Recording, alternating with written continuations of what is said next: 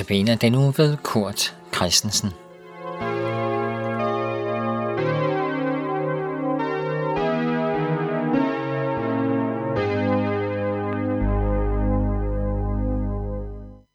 Velkommen til Notabene andagt ved Kurt Christensen. Ugens overskrift er Arbejde og hvile i Guds verden. Vi skal lytte til sangen Blodet som rent, som bliver sunget af Hillerød Juniorkor.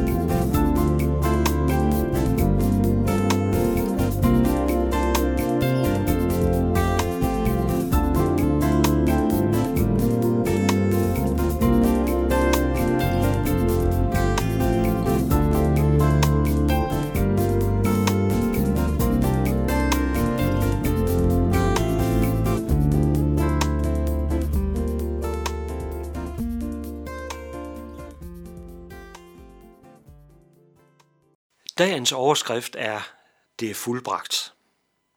Det var Jesus, der sagde det, da han hang på korset og døde der. Det er fuldbragt. Der var nemlig noget, der skulle gøres. Der var et arbejde, der skulle fuldføres. Den gang tilbage, da Gud havde skabt himlen og jorden, så havde han sagt, prøv lige at se, hvor godt det er, det hele. Og Gud har godkendt det hele som fuldkomment, vidunderligt. Men der var indtrådt et fald. Et fald, et syndefald, hvor alt i skaberværket nu var mærket af det negativt. Det var blevet nødvendigt med en kæmpemæssig genoprettelse. Ja, det er jo slet ikke nogen selvfølge, at den genoprettelse skulle ske, for Gud kunne jo have forkastet den verden, han havde skabt, men som nu havde vendt ham ryggen. Men Bibelen fortæller, at således elskede Gud verden, det vil sige menneskene, så han gav sin egen søn.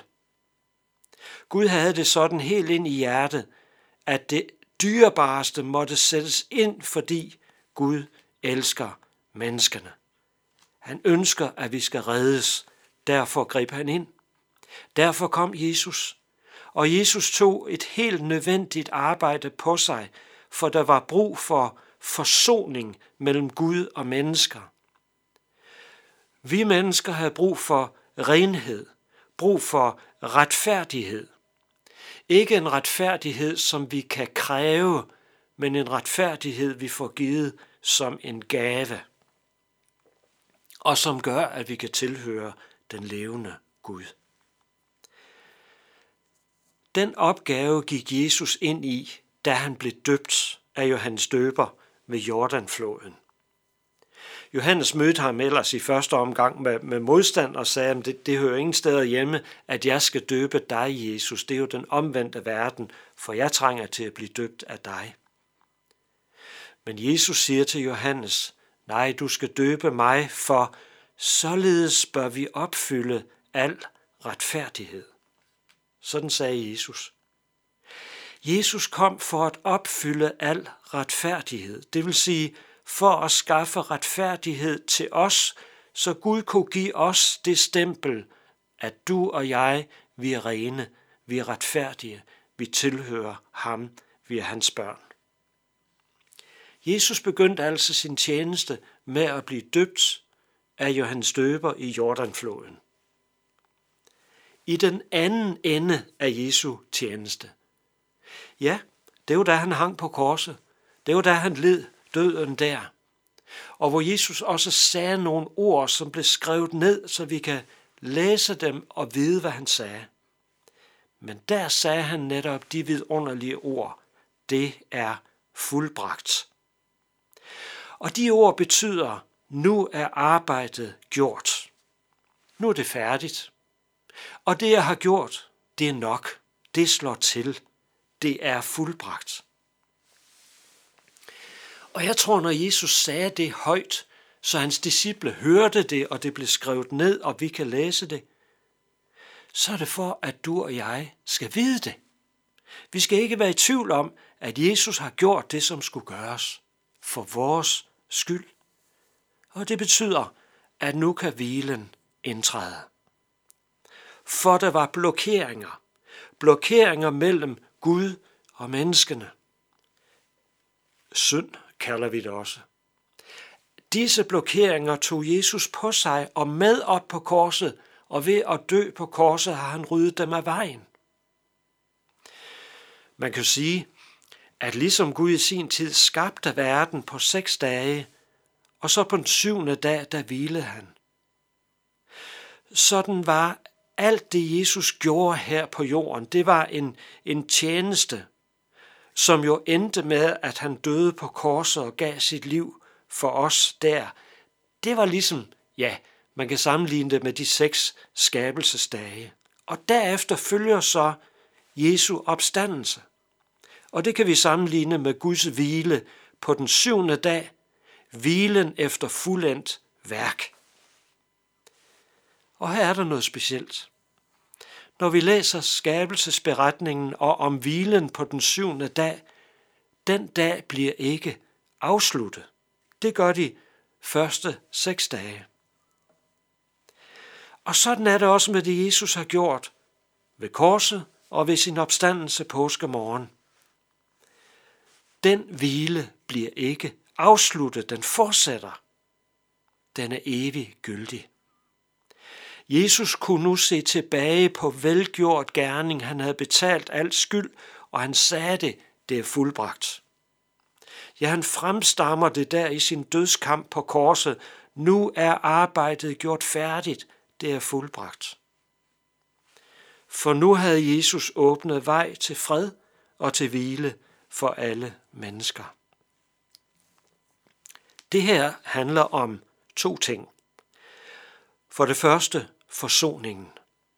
At du og jeg nu kan få talt ud med Gud. Fortælle ham, hvordan vi har det, og få gjort op. Og hos Gud kan vi møde søndernes forladelse, få lov at være ven med Gud, tilhøre ham for altid. Forsoningen. Og for det andet betyder det nyskabelse.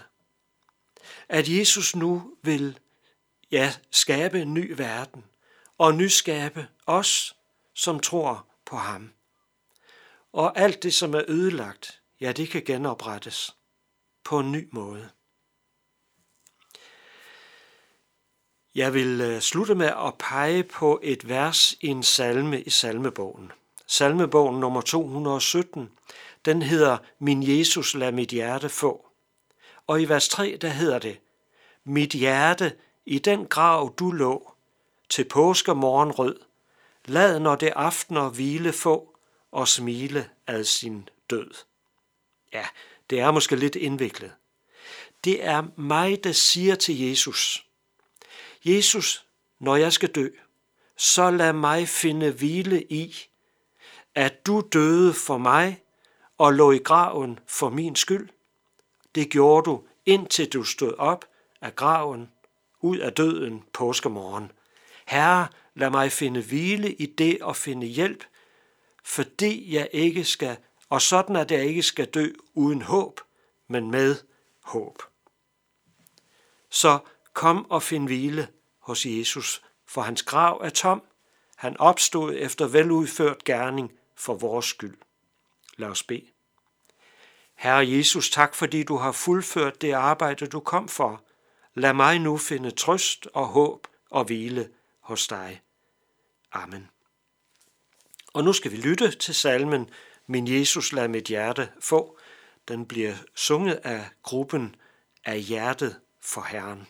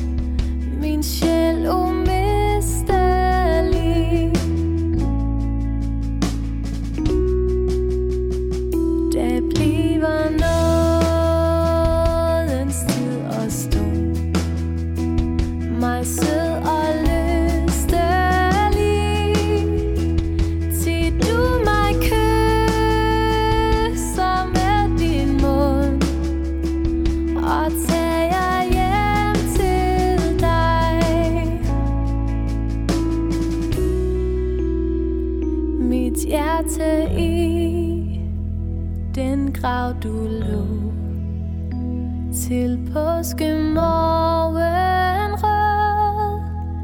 Lad når det aften og hvile få Og smil